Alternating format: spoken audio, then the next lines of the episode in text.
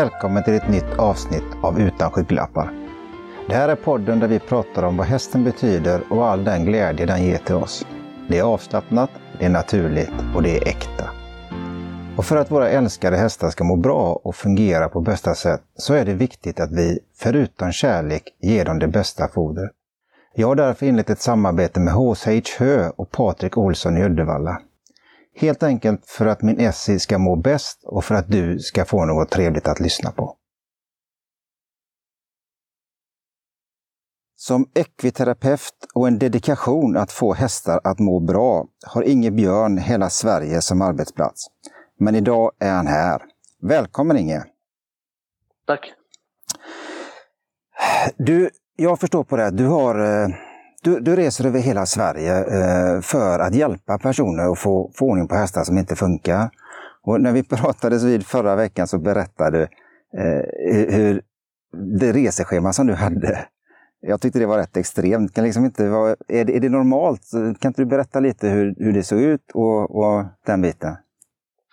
Ja, ja, det är normalt för mig i alla fall. Men eh, jag vet ju inte riktigt hur andra uh, i samma yrkeskategori eh, gör det. Men, eh, men jag, jag har eh, kunder över hela Sverige och kör väldigt hårt. Jag har som tur är haft, haft väldigt mycket jobb ända sedan jag började och, och, och det har gjort att man bara får hänga i och, och, och köra.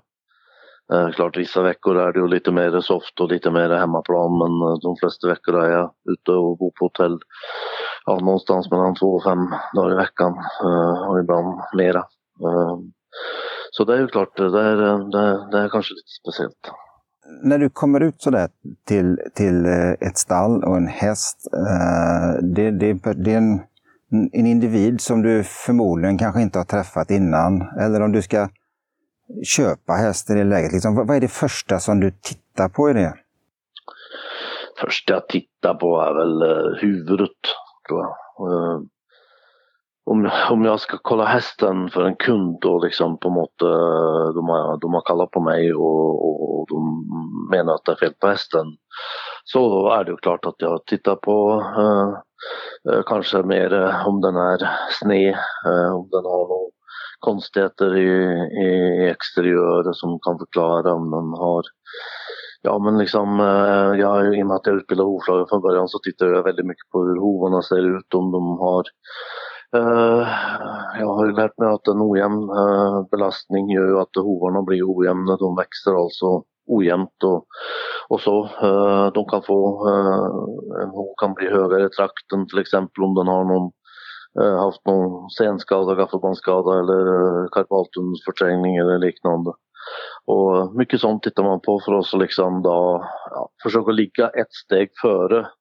Um, uh, och det tycker jag liksom funkar för hoven säger otroligt mycket liksom om belastning, uh, om den har felbelastat sig och så. Se, se, och men ser du, Se, ser du där alltså på, alltså ifrån det, om hovslagaren har varit där en fyra, fem veckor innan, kan du se liksom att, att trakten på höger fram är högre än på vänster? Och, och den här, eller hur? Det, det kan man, för då, är då har de en högre trakt alltså, så den är liksom, eh, då är de oftast smalare i hoven och eh, eh, de är oftast ojämna i ballarna som vi kallar det, alltså baksidan av hoven. Ja. Ofta så kan man se det där om de då på något har, har avlastat den foten då liksom och, och så. Uh, och där har mer eller mindre alla, mer eller mindre. Okay. Alltså, givetvis är det ju så att de, de flesta har de flesta har ju, kan det vara svårt att se på men man kommer ju till hästar som man liksom bara tänker att jaha, eh, hur kunde det bli så här liksom. Ja. Och sen är det klart att några har väl, eh, har väl det här lite medfött då men det är ju det är inte så jättevanligt i min värld. Oftast så hittar man en förklaring till varför det har blivit så. Så att man kan läsa mycket på, på hoven egentligen? Ja. På... Ja, ja och där ska man då försöka sätta ihop det då med övriga fynd i hästens eh, ben, eh, leder, senor, gaffelband, muskulatur, snedhet i kroppen, ryggen, manken. Eh, det gör ju att man liksom då ska försöka hitta så mycket kött på benen som man säger, att man får ja. en trovärdig en trovärdig historia om hästen liksom och att man då och många gånger så får man nästan gå tillbaks alltså flera år för att liksom hitta varför blev det så här. Uh, och då, det kan det ju vara krångligt i och med att hästen kan byta ägare både en och två och tre gånger liksom. Men, men det, jag tycker ändå liksom att uh, man har lärt sig liksom lite det här att man jag tror nog man kan säga att man ser på hästen väldigt, väldigt olika uh, jämfört med vad veterinärkåren gör i varje fall. Det tror jag. Jag har ändå jobbat med många veterinärer uh, och även drivit egen veterinärklinik. Så jag har ju liksom förstått att vi inte riktigt um, uh, har samma, samma utbildning på det där området och vi har ju lärt mer kanske om biomekanik och den typen än vad de gjorde under sin utbildning. Och, och det, det är väl, det, det ena är väl inte, eh, det, är alltså, det är inte det men att det är, att det är något fel på, på, på deras utbildning så, men mer det att eh, alternativ behandling är ju lite annorlunda än den här traditionella veterinärmedicin. Det är ett komplement, våran, våran behandling ska vara liksom ett komplement till, till veterinärbehandling och så har jag drivit hela tiden. Ja, det, det, här, det här är ju någonting, vi är ju inne lite på någonting som jag har reagerat på faktiskt egentligen också, även för oss människor. Att det, det är så, du har en veterinär, de är specifikt inne på, på den delen som de jobbar med. Och så har du dig som ekviterapeut, du har massörer och, och alla olika yrkeskategorier som jobbar. Men, men det, det, är svårt när du kommer med en individ så att kunna få en helhetsbild egentligen. Utan oftast behöver kanske både två, och tre eller fyra yrkesgrupper vara inblandade? Ja, ja eh, när vi drev eh, den här veterinärkliniken, jag eh, drev hemma hos mig, ja. då var det så att vi, i och med att jag var utbildad hovslagare ja. och då har tagit den här ekviterapeututbildningen nu för 18-19 år sedan eller vad det är. Ja. Då var det klart att uh, vi hade ju den biten, de bitarna och sen var ju veterinären då, hon var ju specialist på sina områden och det gjorde att vi vi såg ju kanske på hästarna på lite annat sätt än vad bara en vanlig traditionell veterinär gör. För det är klart, hon, veterinären jag hade där, hon blev lite färgad utav mig och, och säkert jag utav henne också. Det gjorde att vi, vi kompletterade varandra väldigt bra och, ja. och egentligen så var det väl orsaken till att jag idag inte har någon veterinärklinik. För när hon, när hon uh, slutade och, och, och liksom inte riktigt kunde jobba på samma sätt med på grund av familjära problem och så vidare så så då uh, kände jag att uh, att hitta en uh, likadan veterinär som kan liksom på en måte uh, acceptera hur jag ser på det och, och så vidare och jag, att jag då ska kunna jobba med kanske en mer vanlig veterinär om du förstår vad jag menar. Ja, ja, precis. Då, då, det, det, är ju inte lätt liksom. för det är ju fortfarande så är det ju en relativt stor motstånd till det här i, i, i Eh, inom veterinärkåren. Det är många som, som, som inte tror alls på det här med kiropraktik och akupunktur och sånt där. Och där ser man även på humansidan att äh, även om det givetvis har blivit supermycket bättre de sista 15-20 åren så är det ändå fortfarande en del motstånd. Det är ju det, så, det, är ju det. Alltså både på ja. humansidan och på... Och, och det är ja. så synd tycker jag för att det är ju ändå hästen ja. eller människan liksom i centrum och vi måste ju se hela bilden. Ja, ja visst. Och det är liksom det som jag har tyckt är väldigt tråkigt. Eh, det är ju liksom de hästarna som återkommande åker till veterinär för att spruta framkotor och framknän. Men som inte tittar på att hästen inte har en muskel i ryggen och Nej. har en uh, usel bakdel liksom. Och, och de inte fattar att uh, det kanske är dags att titta upp lite och se liksom lite på överlinjen och se lite på hur hästen kanske jobbar liksom. Uh, så det, det har ju blivit bättre, bättre men det är fortfarande alldeles för, um, för uh, dåligt. Då. Det är under 2020 nu och jag, jag har hållit på rätt länge med hästar men jag tycker kanske inte att det går så jäkla fort. Nej.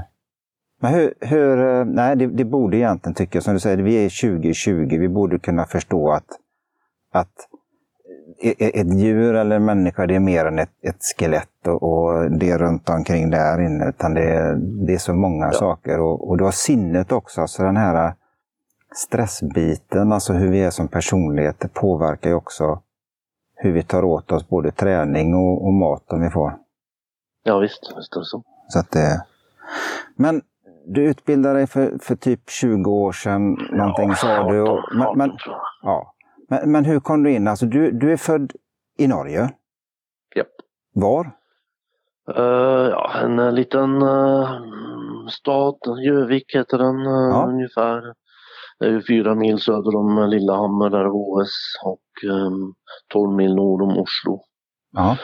Uh, för mig har det egentligen bara varit hästar ända sedan jag var 10 år och uh, jag fick väl min första när jag var 12-13. Men um, jag har alltid varit intresserad av hästar och det har bara funnits nästan där. Så. Det hade ni hästar på, bodde du på en gård eller? Ah, ja, vi, vi, hade här, vi hade hästen på min pappas förälders uh, småbruk då, eller ja. en liten, liten gård då. Och, um, men det var ju liksom, man kunde ju ingenting så det var ju dömt att misslyckas och det gjorde det väl. Så det var ju inte någon, det var ju ingen, det var, men, men, men jag har, jag har fått med mig en del saker genom åren och det är att jag har sökt mig till väldigt svåra hästar, alltså hästar som liksom har som folk inte har uh, kunnat hantera på olika sätt eller alltså, alltså hästar som har som många kan betrakta som lite farliga och lite ja, svåra helt enkelt och, uh, och så som, som det har blivit fel med oftast på grund av att de har haft smärta och, och, och sett nästan som folk som en fiende nästan lite så. Sådana har jag liksom eh, hållit på med eh, ifrån början. Så, för att försöka liksom att och helt enkelt sätta mig in i varför eh, reagerar de så här? Varför eh, beter de sig på det här sättet liksom? Och, och på det, och, ja, lite, man har ju liksom inte, man har ju inga, man har ju inga pengar du vet. Och min, min, min familj eller mina föräldrar och så, de var ju helt ointresserade av hästar. Det, det var ju liksom något av det sämsta man kunde hålla på med liksom i deras ögon. Ja. Um, så, så det gjorde att man uh, fick ju ta det andra inte ville ha, ha kort och gott. Och, men det har lärt mig otroligt mycket om både hästens uh, psyke och, och, lite um, hur de reagerar och, och, och, så när de får ont och, och får problem liksom och, så. Um, så att det, har, det har varit en, eh, en hård men en nyttig lärdom att att inte få de där topphästarna från första början för då tror jag det hade varit svårare att lära sig så mycket liksom. Ja. Uh, det, det, tror jag faktiskt. Du, du, du har levt den där klyschan om att man ska ramla av hundra gånger för att lära sig rida typ? Ja, lite så. Ja. Att man, liksom, man, man har ju som sagt åkt på en del smällar men som tur är så har jag varit, ja, jag har fått ett par riktiga smällar när jag har lite tufft men för det mesta så har jag med tanke på vilka hästar jag har hållit på med att det har mest varit sådana här som de flesta inte vågar ut och köra och träna och sko och, och så, så. Så har jag ändå, tycker jag, uh, klarat mig rätt så bra. Aha. Ifrån allvarliga skador och incidenter. Du har ju haft lite, eller du har haft mycket, kanske framförallt kallblod. Var det det från första början också då när du var 10-11 eller kom första, det? Första hästen jag hade det var kallblod. Ja. Det var det? Mycket, en, en stor kallblodstreåring som inte alls var något eh, lätt. Eh, och, och, och, när man inte kunde någonting och det, liksom, det vart ju bara pannkaka. Och eh, det, liksom, eh, det, det, sen var det ju liksom, det var väl ingen, eh, det var säkert, det hade väl inte den blivit någon stjärna. Vem än som hade tränat den tror jag inte men den hade säkert blivit, blivit en habil starttest om den hade varit hos en duktig person då. Men ja. tyvärr, man måste man måste, eh, det är inte lätt när man eh, inte hade någon större uppbackning och sånt så, så det, det, det, gick inget, det gick inget bra. Jag hade väl hästen ett år eller någonting tror jag men eh, ja. Så, men sen har det ramlat in hästar och, och, jag har jobbat som lärling på olika ställen och sen tog jag hovslagerutbildningen där när jag var 19. Och då, sen dess har jag levt av hästar. Så jag är 53 idag så det är ett tag nu. Så från, från det du har varit 19 så har du, har du haft så att säga, all din inkomst ifrån hästvärlden egentligen? Då? Ja. Ja, spännande. Men har du alltid också ägt och, och tränat hästar? Ja, jag har, um, jag har ju det och uh, framförallt så har jag fått sådana här hästar då, som, som då andra inte Ja, det har blivit fel kort och gott. Uh, och, um, och där jag har liksom på något sätt försökt att lösa, lösa de här problemen då liksom. Vad, vad, är det, vad är det för problem vi pratar om? Har du något exempel om man säger som så på, på en häst som du har fått in som inte funkade och som... Ja, så den bästa som jag fick här, den, den där var jag efter jag flyttat till Sverige. Den, den uh, heter ju Lomestjärnen och uh, var ett kallblod som, han var fem år när hon kom till oss och då hade fem veterinärer uh, i stort sett dömt ut den och sagt att det här är ingenting att hålla på med och han var ju han hade ju då tjänat för ägarna eller tränaren i Norge och var i stort sett okörbar. Och de menade att det här är liksom risk för livet att hålla på med. Okej. Okay. Eh, och jag, jag var väl inte så där jävligt tuff första gången jag skulle ut och köra med den och jag, och jag fick väldigt varning av dåvarande ägare att det här, det här kan sluta hur som helst. Och där var det nära att göra för han, eh, han stack ju med mig. Och vi galopperade många vi galopperade nog säkert en tusen meter innan jag kunde uh, lura honom ut till sidan och när han kände att liksom grusen började och, och uh, uh, ja, att han inte riktigt hade kontroll på, på um, hamna närmare och närmare diket så började han nog själv och, och inse att det här går nog kanske lite åt fanders. Så då uh, lugnade han sig och sen åkte jag hem. Då hade jag en bra teori på vad det kunde vara. Jag hade haft en häst tidigare som var och hade, hade problem med sina glidleder i hasarna och så vi åkte med hästen till Mälarklicken. Jag jobbade där som kiropraktor den tiden. Ja. Och um, så då, ja, jag stort sett sa till veterinären att de skulle behandla hästen där med kortison och, och det gjorde de och sen så, det var som liksom, och det var helt som en, och körde man 10-11 dagar senare, var ute och skritta och jogga med honom. Jag kände på en gång att det här är en helt annan häst. Han är ju inte alls benägen att sticka och, och, och alltså flyktbeteende var ju borta liksom. Okay. Uh, han, det var ju som en ny häst när jag kom in där och sa till min sambo liksom att det här är ju liksom helt galet. Han är ju helt, jag kunde också sitta med slake tömmer liksom och, och han bara, han bara joggade liksom och provade aldrig att sticka i och det var ju helt uh, och sen uh, tränade vi hästen några månader och sen vann de nio raka tror jag. och vann ju ett par sådana dubbelcupfinaler och vann ju V75, jag tror han vann fem, sex sådana dubbelcupfinaler med Ja, då i början var det väl 100 000 först men han, eh, sen var det väl 200 000 vann nu. Han har fortfarande den häst i Sverige som har vunnit flest finaler tror jag på dubbelcupen. Åh herre. Så att uh, han sprang väl in två miljoner för oss ungefär. Så det var ju en saga. Det, det var liksom, ja det var ju som sagt många som hade dömt ut en veterinär och han hade lagt ner 100 000 i veterinärkostnader den här ägaren. Och jag fick ju då 25 procent till hästen för att, för att prova hästen. Och, ja. och det gjorde att vi kunde köpa andra hästar och, och som han sprang in pengar och det har ju det har ju gjort att jag har haft några sådana lommehästar som vi har haft genom åren som flera av dem har varit bra. Ja. Och sen uh, hade jag en häst till som var kanske ännu mer extrem som hette Lomme Mix. Han, uh, han uh, var en tuffing. Han började, han började sin karriär hos mig med att nästan bita ihjäl min stalltjej. Hon hängde livlös i hans mun när jag kastade mig igenom trådarna och slog bort den och, och hon hade ju svimmat då och hon hon var livlös och han, skak, han, han bet henne i ryggen och hållit henne i ryggen. Och skakade liksom som en björn troligtvis gör när den tar ett byte.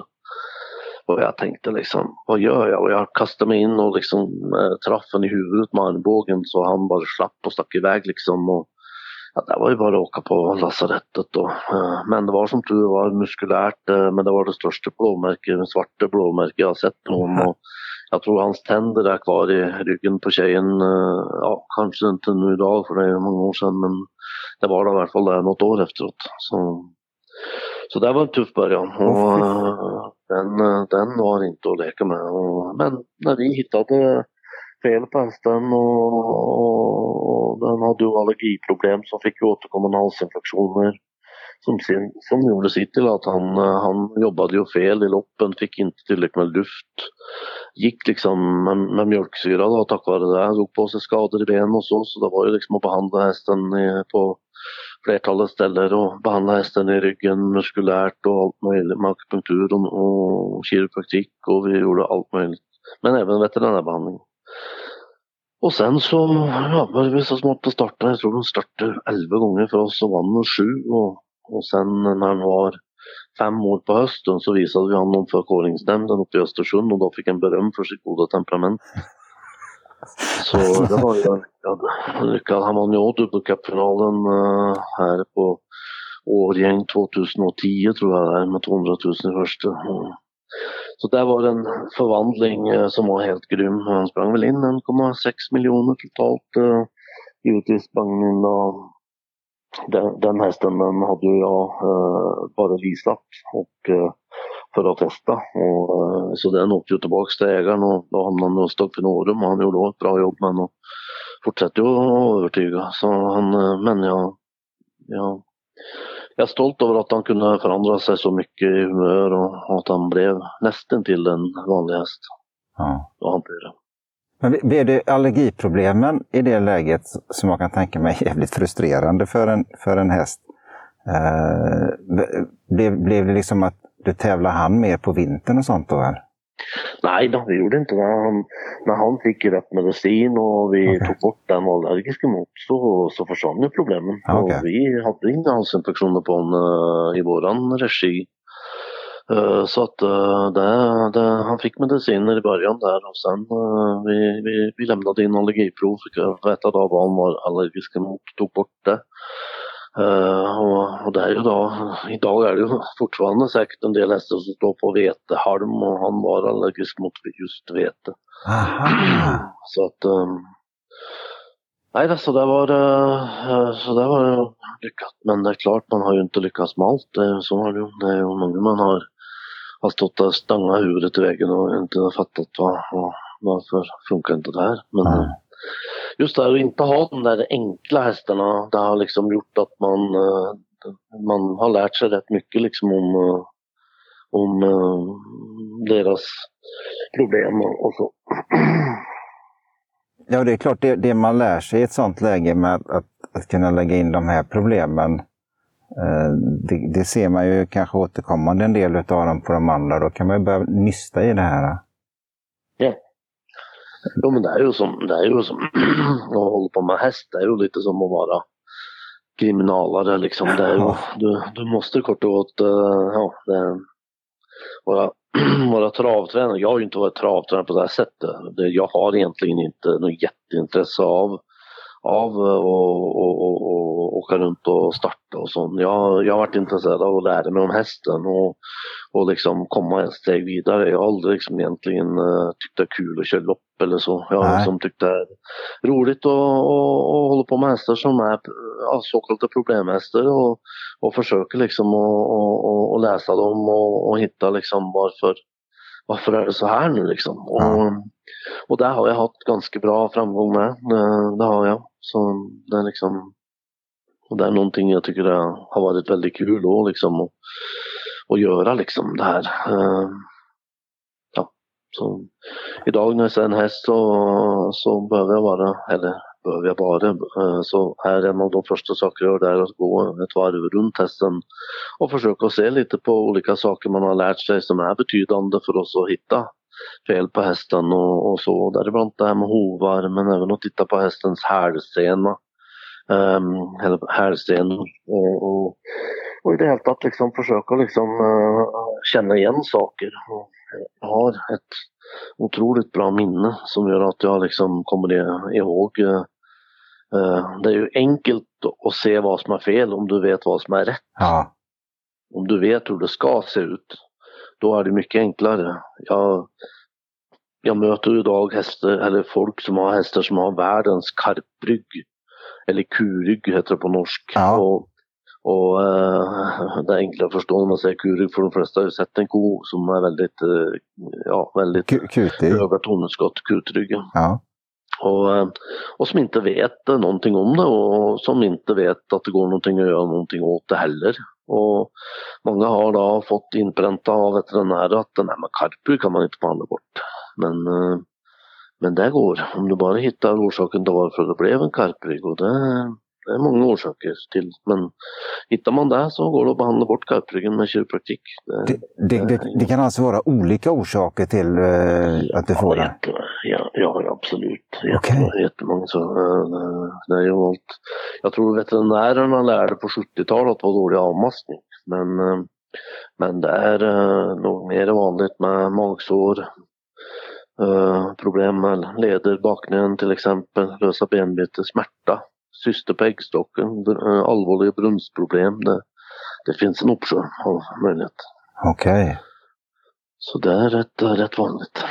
Och då, då förstår man ju den här vikten av att ha jobbat med massa olika problemhästar för att kunna bära med sig alla de här problematiken inför att kunna säga att det här är lösningen på just din karprygg eller den hästens karprygg. Ja, ja, och det är ju som så att eh, som tur är så är det, är det många av de hästarna som jag behandlar, de, de blir ju veterinärkollade för jag, jag försöker hålla mig undan halta hästar och försöker att skicka dem till veterinär och jag har haft och har ett bra samarbete med många veterinärer och ja. det gör att eh, en del av dem ger mig jobb och jag ger dem jobb. Ja. Och, eh, och, så det är klart att, eh, det är klart att eh, utan det så hade man inte lyckats få hästen att funka för det är ju, det är ju jätteviktigt. Alltså, och ha bra veterinärsamarbete, det är ju superviktigt. Det var ju fruktansvärt tufft för mig i början, minns jag när jag jobbade med det här, att uh, om jag trodde att hästen hade problem med ett baknä, då kan man vara helt säker på att den blev sprutad i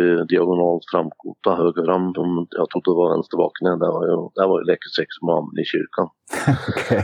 Men uh, efter att jag började på Mälarknicken och de såg att att jag kanske hade lite handlag med det där, då, då började de få lite förtroende för mig. Och, efter det så har det ju liksom funkat bra. Nu är det ju sällan att man blir motarbetad på det sättet i alla fall. Nu har man ju oftast, eh, ofta kan man ju pr prata med veterinären och, och förklara var, var, varför tror jag det är så och, ja. och, och, så. Och, och, som tur är så har ju då, uh, har ju en del då lyssnat på mig och, och, och, och, ibland har det blivit rätt men givetvis ibland uh, funkar det inte heller. Så, men, men men som sagt, det är, det är en, det är det som liksom är det roliga och när en häst kommer och inte kan trava till exempel en travhäst och så hittar man fel och så liksom blir den uh, som ny liksom och uh, helt, uh, ja. Det, men idag har jag mycket mer ridhästar jag behandlar än förr. Jag har ju liksom inte så mycket inom travet längre. Um, och det är för att jag själv inte har uh, travhäst jag tränar. Jag är inte ute i miljö på det sättet jag var. Uh, det är ju flera år nästan sedan jag var på en travbana liksom, och tittade på lopp. Uh, och uh, idag behandlar jag väldigt mycket ridhästar av ja, hopphästar av hög klass och dressyrhästar av hög klass. men även mycket islandshästar och jag tycker det är roligt att behandla olika kategorier för att det, det utvecklar nog liksom så.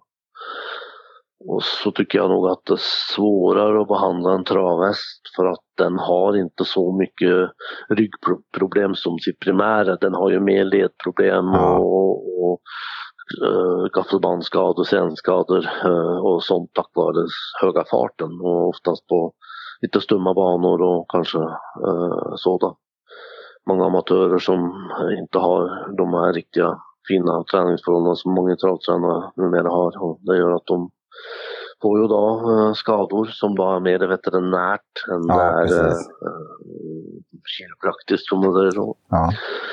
Så det gör att uh, jag har ju, man har ju i regel lite bättre resultat på uh, om man behandlar uh, ridhästar, hopphästar, dressyrhästar och så än och islandshästar kanske, ponnysar. Ja. Men man, har man behandlat travhästar. Men det är inte fel att behandla travhästar ändå för att uh, det är viktigt att få dem att jobba på rätt sätt och där kan ju vi vara med och, och, um, och hjälpa till. Men um, det blir sällan den aha-upplevelsen om man behandlar en travhäst som det kan bli med en ridhäst. Liksom. Nej. Ja, men det, det, kan jag tänka mig, för man jobbar ju på lite olika sätt och vis. Ja. Eh, och som du säger, alltså det, det är farten som oftast slår sönder i det läget. Ja, det är det som dödar. Du utbildade dig till, till hovslagare, men det var faktiskt en olycka som egentligen fick dig att börja utbilda dig som myckoterapeut, eller hur? Ja. Jag skulle bara korrigera en eh, expent fördom och, och i och med att den var inte gammal så tänkte vi att vi tar det där inne i boxen liksom och, Ja. och så, så att han kunde stå med sin mamma och så och jag raspade fötterna på honom och allt gick bra och sånt men jag satt ju då liksom lite eh, på, på, på, på, i halmen liksom och Ja. raspade lite och försiktigt då. Och, och sen så när jag var klar och skulle resa på mig så flyttade bara mamman på sitt ben och råkade att trampa mig på vaden. Och, och då gick korsband och menisken, alltså korsband gick av och, och det var väldigt stora skador på menisken. Så de eh, sa faktiskt till mig att du kan nog aldrig sko mig mer. Va? Eh, men jag, eh, jag blev opererad två gånger med tre månaders mellanrum och sen, eh, sen eh, tränade jag och tränade jag och så tränade jag lite till. Och sen eh, blev det bättre och bättre och jag kände att eh, och idag har jag liksom inga jätteproblem med det knät. Det- är ju inte så att jag vill stå och sko tio hästar men jag skor lite då och då. Eh, lite sådana här med fång och som har problemhovar. Och ja, det, det räcker nu liksom det tycker jag. Jag vill inte sko mera. Men eh, det är inte för att knät är dåligt, det är mer att jag tycker att det här andra jobb är mycket roligare och mer utvecklande att jobba som ekviterapeut och ha liksom, eh, ja det tycker jag är, det är roligare faktiskt. Jo, det var, det var också då du via den utbildningen, du hamnade i Frankrike en period där va?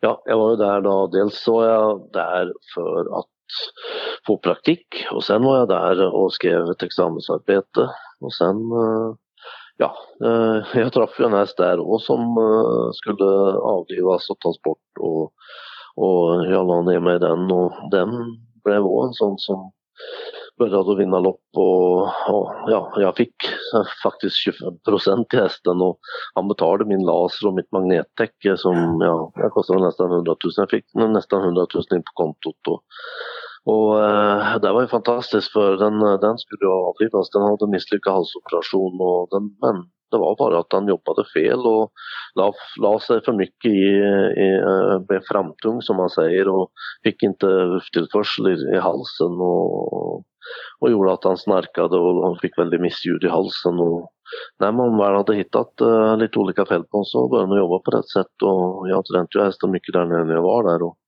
och den, jag tror den sprang in 2-3 miljoner alltså efter det här. Fan. Eh, så det blev i alla fall en, eh, han heter Maestro de Loire minns jag, en svartingst. Okej. Så det var en häftig eh, upplevelse. Men vad, Så, var, behandlade din halsen någon mer gång när du var där då? Eller blev det mer nej, nej, nej muskulärt? ja, det var, var mest eh, få dem att jobba på rätt sätt alltså. För har de låsning i bäcken och rygg och så, så blir det ofta att de inte kan komma under känna Aha. bakbenen och då blir det oftast att de eh, lägger för mycket vikt på framdel liksom och, och, och då, då blir de oftast underhals får de ju och så liksom får de då inte liksom rätt lufttillförsel liksom. Så det finns nog en annan häst som går runt och har de här problemen där man, eh, där man eh, ger upp tack vare att eh, man tror att det är halsen som spökar men i själva verket kanske det kort och gott är bara så att han jobbar fel. Problemet sitter bak. Ja, ofta. Många gånger. Väldigt många gånger. Ja, det är... Så där, motorn sitter eh, på de flesta och ja, funkar inte den så börjar de att dra sig fram med framdelen och då det är då de får oftast de här eh, fram, eh, skador i kotor och framknän och hovleder och allt möjligt. De, de jobbar fel kort och gott. Ja. Det blir ju, man måste se hela hästen.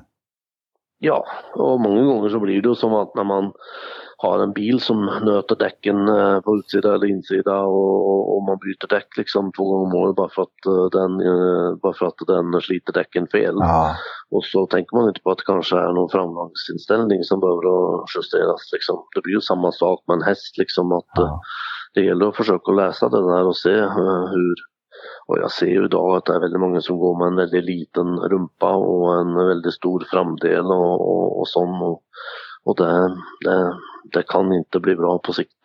Nej, det, det kan ju du läsa bättre än jag i det läget, men samtidigt, alltså, jag förstår ju att mycket av kraften i, i en travare framförallt måste ju komma, eller kanske även med ridhäst, måste komma bakifrån. Ja, ja, ja, ja. Det, det finns ju de som är fyrhjulsdrivna hade jag sagt, men de är inte många tror jag. Och, och det är nog så att uh, många gånger så de glömmer. Det är ju inte alldeles enkelt att böja fram. Fortfarande så är böjprov en traditionell diagnostiseringsmetod i Sverige. Och det gör att uh, baknän, haser, höftled, ja. de är väldigt svåra att böja fram stora leder och mycket svårare att böja fram där än framkota ja, till exempel än bakkota. Och det gör att uh, när de inte ser liksom, den tydliga hältan efter en minuts böjning då, då, då, då, då säger de att nej, men det, det var inga reaktioner, det var inga fel där. Och då, och det, det händer nog, uh, det händer nog uh, på de ja. flesta veterinärkliniker tror jag. Och då, då missar de liksom det och, för mig så är en baknät till exempel, det är oftast en, en bedöv, där får man oftast liksom bara bedöva och, och, och rida eller eh, till exempel köra Man får se om det ändrar eh, uh, rörelseapparat liksom. För det är, det är inte alldeles enkelt att alltid få fram någon reaktion där. Och jag har tester som vi har hittat uh, röntgenförändringar på, på bakknäna och som, som sen inte gick att, att få till på grund av att uh, de hade redan skador i, i brosket. men de reagerade inte på böjprov men när vi bedövade bort knät ja. med alltså bedövning in i leden, då, då travar hästen. Liksom. Så det händer hela tiden.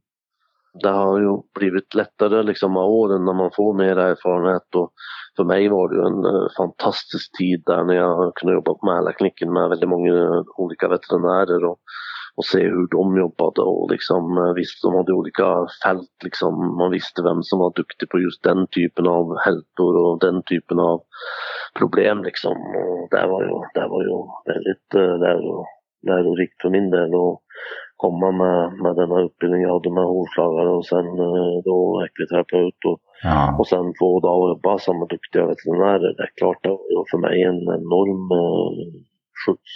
Det, det måste jag säga. Så det, och det är klart, jag jobbade många Jag jobbade väl tio år, en, en till två år i veckan i tio år med Arne Lindholm som var ju professor och, och um, han jobbade de sista tre åren, levde på min klinik varannan vecka där uppe i Tierp och, och jobbade med han då som hade sett uh, alla dessa fantastiska ja. topphästar du vet. Han, jag vet att han behandlade Scandal Play, han behandlade Modin, mörtvätt Jerkeld. Han behandlade hur många som helst bra. Du vet kallblodshästar, de kommer ju från land och strand för att åka till Arne där på Mälarknicken liksom han var ju en guru inom det här och hade, ja, så jag lärde otroligt mycket och bara sitta och prata med honom. Han var ju den som var först med laktatpröver på mjölksyra och, och, och sånt i Sverige liksom och hade en enorm databank alltså på på det. Han åkte upp till Jan-Olof Persson och på flera år vet du, med,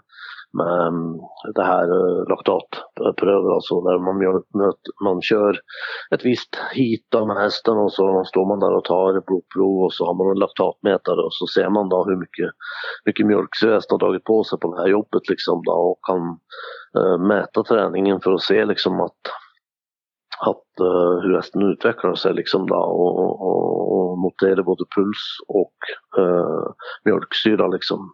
Det var ju, det, det har nog eh, Persson haft uh, väldigt nytta av tror jag. Och, ja. genom uh, med sina hästar.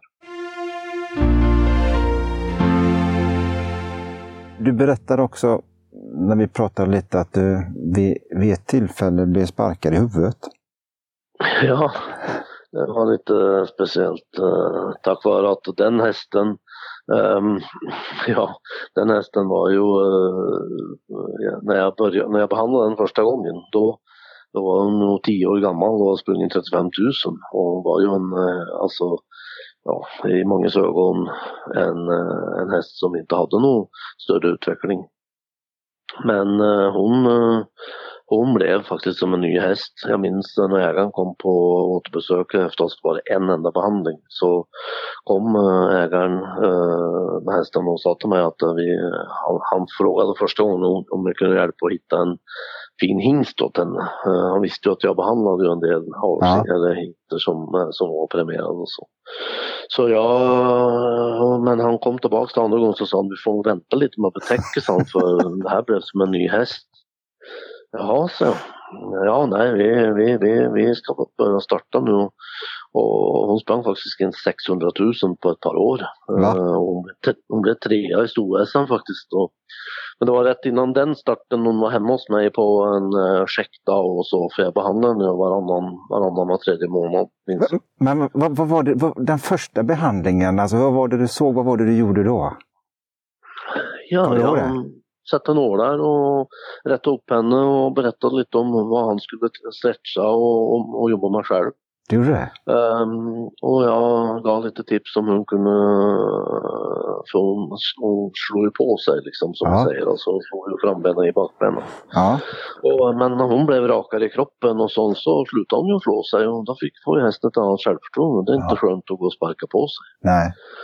Så då, eh, då, eh, så hon fick en helt annan steg och hon sänkte sina rekord för varje start liksom. Och, och hon var ju som sagt en av de bästa i Sverige. Ja, det är häftigt.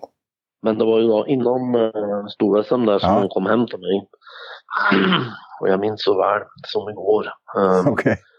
uh, för jag hade varit i Norge och jobbat och kom hem och körde som en dåre som jag brukar göra och kom hem där och och då stod ju han på gården eh, och eh, hade väntat på mig ett tag. Och och eh, när vi sprang med hästen så tyckte jag, vi sprang av bara mönsterhästen rakt fram och jag tyckte att de markerade lite hälta på ett framben. Så jag sa att vi måste nog rangera och det kunde ju inte gubben göra själv så han ville att jag skulle göra det. Och, och då när jag skulle byta ifrån eh, vänster till höger då sparkade han mig och träffade mig i höften och ett i bakhuvudet så jag flög en halv meter upp och när jag landade en dag så var jag väl borta någon halvtimme. Mm. Men eh, ja, det var så jag kände inte igen min egen bil minns jag min sambo sa så att eh, jag hade fått en riktig smäll. Men det var bara att åka på Mälarkliniken dagen efteråt och jobba och sånt och jag, jag, jag var väl inte jättenöjd med min sambo då som ville ha mig på sjukhuset men det, jag brukar inte åka så mycket på sånt. Så, så jag eh, jobbade på men jag fick en smäll några år senare och då upptäcktes det att jag hade en nackskada som nog var ganska några år gammal och, och det var säkert i samband med det här spark. Jag hade inte liksom tidigare haft så mycket uh, sådana uh, slag kan jag säga. Så att det var säkert då. Men det har, det har faktiskt, när det är vettigt väder ute så har jag inte så mycket problem med att det blir värre på vintern. Okay. Så det går, det går, det går, det ja. går att jobba med. Så att det är bara att försöka kämpa på. De flesta har ju någonting att, att slita med. Ja, ja, men så det, det är klart att det... Men det... det ja. Vad säger man egentligen om det? Men, men, eh, vi har ju allihopa våra, men alltså den här hästen fick en behandling egentligen med akupunktur och den vände om helt och hållet. En behandling med akupunktur och kiropraktik, hästen vände det och sen kommer hon, hon kommer på, alltså hon kommer ja, ja. på återbesök. Hon kommer ju varannan var tredje månad och Gubben glömmer jag aldrig för han hade alltid med sig som bananmarsipantårta när hon kom på besök. okay.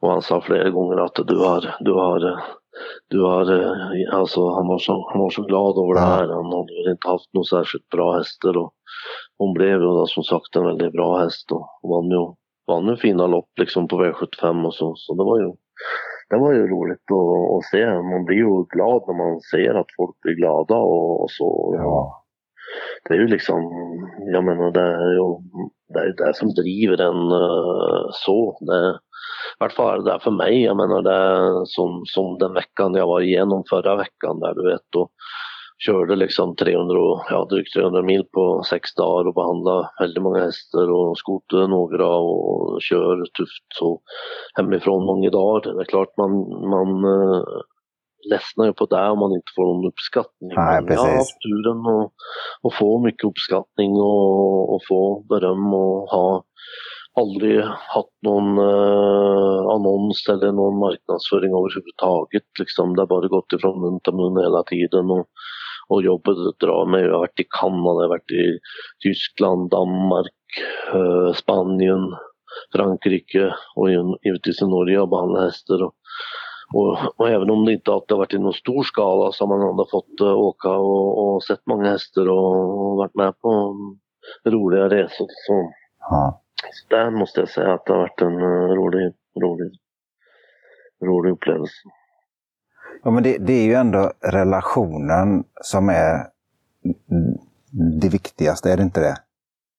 Absolut. Relationen till hästen, relationen till ja, ägaren, ja, relationen, ja, det liksom är alltihopa jag har ju alltid, alltså jag har ju varit extremt hästintresserad eh, hela livet. Eh, men inte riktigt, eh, även om de flesta förknippar mig med trav så har jag egentligen inte varit någon, jag hade aldrig orkat sitta och, och kuska runt som, som de gör. Det var roligt en period där när vi hade bra hästar, vi hade ju fyra olika som var med 75 där några år. 2008, 9, 10, 11, 8, 9, 10 kanske. Men, eh, men liksom, jag har aldrig varit någon sån intresserad och ha någon större stall och så liksom. Det, men just det här att man, eh, man, eh, man ser en häst som man liksom tänker, åh gud vilken, vilken individ alltså. Och, och man ser på dens ögon och så. Jag har Uh, en del kan nog uppfatta min behandling med kiropraktik som ganska tuff. Ja, alltså, uh, det är ju inga små kaniner vi håller på med så man måste ha lite power och, och framförallt en bra teknik men det är lättare om du har långa armar och är relativt stark och stor. Ja. Uh, även om jag har sett de som är mindre som är, gör det bra så är det nog enklare tror jag att behandla sådana stora hästar i alla fall. men just då liksom på något få den att lita på dig och liksom, du får göra nästan till vad du vill med den liksom och böja den och töja den och, och knäcka den och sånt. Uh, ta bort låsningar alltså i hals och nacke och rygg och bäcken. Det, det, det, det är häftigt att liksom uh, få en sån uh, relation till dem att de accepterar det liksom utan mm. det är ju jätteovanligt att någon bråkar liksom. Det, det, där, det, där är, det där har jag upplevt med, med vissa personer, just alltså när, när du ser, du vet en häst hur den är och hur den reagerar. Men det kommer in någon som den aldrig har träffat tidigare och man bara ser den sänker ner huvudet. Är cool, lugn, rör sig inte. Min häst brukar vandra ganska mycket i stallgången. Hon står mer eller mindre blickstilla. Personen får göra precis vad den vill. Alltså det, ja, där, det där är så jädra häftigt.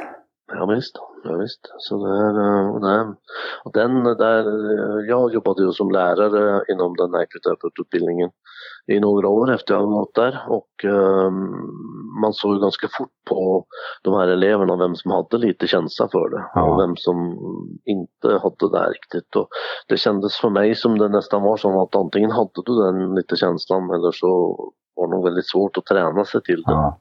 Um, för en del personer är ju lite så här att uh, ja, men de har kanske lite mer som utåt, alltså taggarna utåt lite och för mig så verkar det som om hästen har lite svårare att acceptera att det Ja. De vill gärna ha den här lite trygga, trygga klappen och lite trygga snacket liksom och, och, så. Och att en del har slappnar av uh, bättre då och då är det mycket enklare att hitta hitta fel och om de har liksom en avslappnad, häst, avslappnad och inte så spänd. Liksom. Mm. Precis. Du sa det här med att du att kuska runt land och rike för att köra lopp och träna lopp, liksom inget med dig. Men du har en bra relation med en person som har valt att leva det livet och göra den biten. Det gör Örjan Kihlström. Ja, ja, ja, nu har jag inte så mycket med honom att göra, men han körde min hästar. Ja. Och, och, vi, eh, ja men det kändes som vi hade tonen och, och så. Och, eh, och där var ju, eh, han valde ofta att köra mina hästar i lopp och jag minns ju speciellt en gång som, som vi hade varit i Boden och blev stört i galopp där. Då var, då var Örjan i Finland och körde Finlandia och så hade jag en annan kusk på min häst. Och, och hästen gjorde ett fantastiskt lopp men blev stört och eh, det gjorde att han galopperade på ploppet och sen um, var den dagen ja. körde och, och det var liksom 83 rätt tunga mil hem. Men jag minns att jag såg ett lopp då tio dagar fram eh, på Solänge som skulle passa hästen och då ringde jag Örjan och han sa att eh, ja men eh, kan du åka upp dit och köra? Han sa ja men jag ska kolla med Wallman sa han, Roger Wallman som han då körde jättemycket ja. för. Och, och, och om inte han har något speciellt på Eskilstuna och sånt så då, då, då åker jag. Det var alltså 50 mil enkel väg. Jag tror hon körde upp dit för att köra två eller tre hästar däremot den här Lommestjärnan då. Uh, och han vann ju med 40 meter, han bara blåste runt om. Men det viktiga med det loppet var att det, det var ett kval till uh, dubbelcupen och då gick ju finalen den, uh, i juli där på Årgäng. Ja. och tack vare att han då att Kihlström åkte upp och vi vann loppet och han var ju fantastisk och sånt så kunde vi även vinna finalen då och Rikstoto V75 där. Och uh, speciellt för mig var det att den kvällen när jag åkte upp och körde så dog min pappa. Mm. Uh, och det var ju speciellt och, och, och, uh, och vara med då på, direkt på TV4 där den uh, i juli på Årjäng och kommentera loppet. Pappa precis blivit begravd veckan innan och, och, och vinna det loppet där och stå och kommentera på TV4. Det var, det var, det var häftigt. Jag, jag hoppas jag klarade det någorlunda bra men det var tufft där. Det var det måste jag säga. Men det var fruktansvärt roligt. Ja, ja det det kan jag tänka mig att det var extremt känslomässigt alltså. Ja, det, det var det där liksom eh, just den 23 juni 2009 dog min pappa och samma kväll vinner Lommestjärnan det här loppet, får revansch ifrån den skitdagen uppe i Boden. Och, och sen visste jag att han var inkvalad till finalen och jag vet vad jag sa till min sambo på vägen hem att nu ska allt vägas, varenda lilla gram man får ska vägas. Och jag kollade upp hästen med veterinär ett par dagar efteråt och han fick lite lättare behandling i ett par ben och, och sen var det liksom att, att trimma han där inför 75 och han, eh, ja den dagen, jag tror det var den, eh, jag tror det var den 11 juli. Då eh, var han fantastisk alltså. Han hade inte spelat någon roll den dagen vem hästen hade mött tror jag. Han, eh, han var helt, helt sanslös då man mötte ju andra bra hästar som Lomar och Odin Tabak och den gängen och de var helt köpslösa. Ja. Så att det var en upplevelse, det var det. Jag tycker faktiskt att det blev en fantastiskt fin avslutning på det här.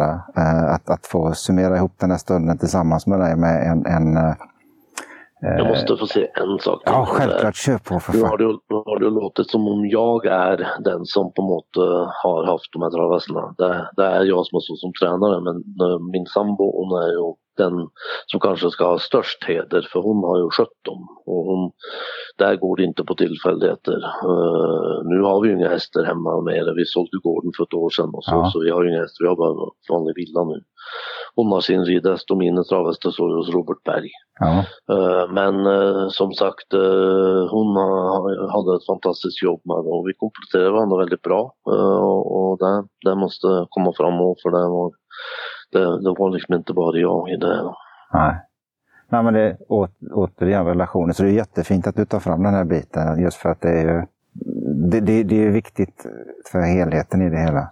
Absolut. Ja, det blev en ännu bättre avslutning i det här läget då, Inge. Så att, eh, jag tackar jättemycket för att du har velat vara med och, och, för att du har delat med dig lite av, av ditt liv och dina upplevelser. Och, gett mig i alla fall en, en hel del tips och tankar på vad jag ska tänka på. Så ja, tack, tack så mycket. Tack, tack.